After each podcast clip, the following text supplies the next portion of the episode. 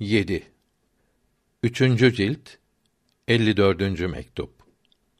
Bu mektup Hanı Cihan'a rahmetullahi teala aleyh yazılmıştır. Sağlam olan dine yapışmayı ve dünya işlerini yaparken İslamiyete uymaya dikkat etmenin din ile dünyayı birlikte kazanmak olduğunu bildirmektedir. Hak Sübhanehu ve Teala razı olduğu şeyleri yapmaya kavuştursun. Selamette olmanızı, kıymetli ve muhterem olmanızı nasip eylesin. Yüksek peygamberi ve onun âli hürmetine bu duamı kabul buyursun. Aleyhi ve aleyhimüs salavatü ve teslimat. Farisi Beyt tercümesi. Kazanç ve saadet topu ortada duruyor. Meydanda kimse yok. Süvariler görünmüyor.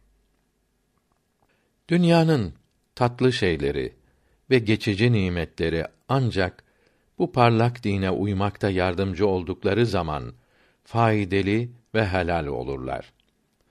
Dünya kazancı ahiret kazancıyla birlikte olduğu zaman işe yarar. Ahireti kazanmaya yardımcı olmayan dünya nimetleri şekerle kaplanmış zehir gibidirler. Bunlarla ahmak olanlar aldatılmaktadır. Allahü Teala'nın bildirdiği tiryak ile bu zehirlere ilaç yapmayanlara yazıklar olsun. Bu şekerli, tatlı zehirleri İslamiyetin emirlerini ve yasaklarını yapmak güçlüğüne katlanarak tedavi etmeyenlere çok acınır.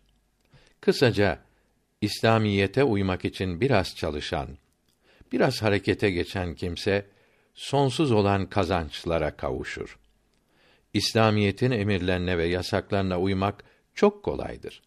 Fakat az bir gaflet ile ve gevşeklik ile de bu sonsuz nimetler elden çıkar. Uzağı gören, doğru düşünebilen akıl sahibinin bu parlak dine uyması lazımdır. Ceviz ile kozalak ile oyuna dalarak faydalı şeyleri elden kaçıran çocuk gibi olmamalıdır.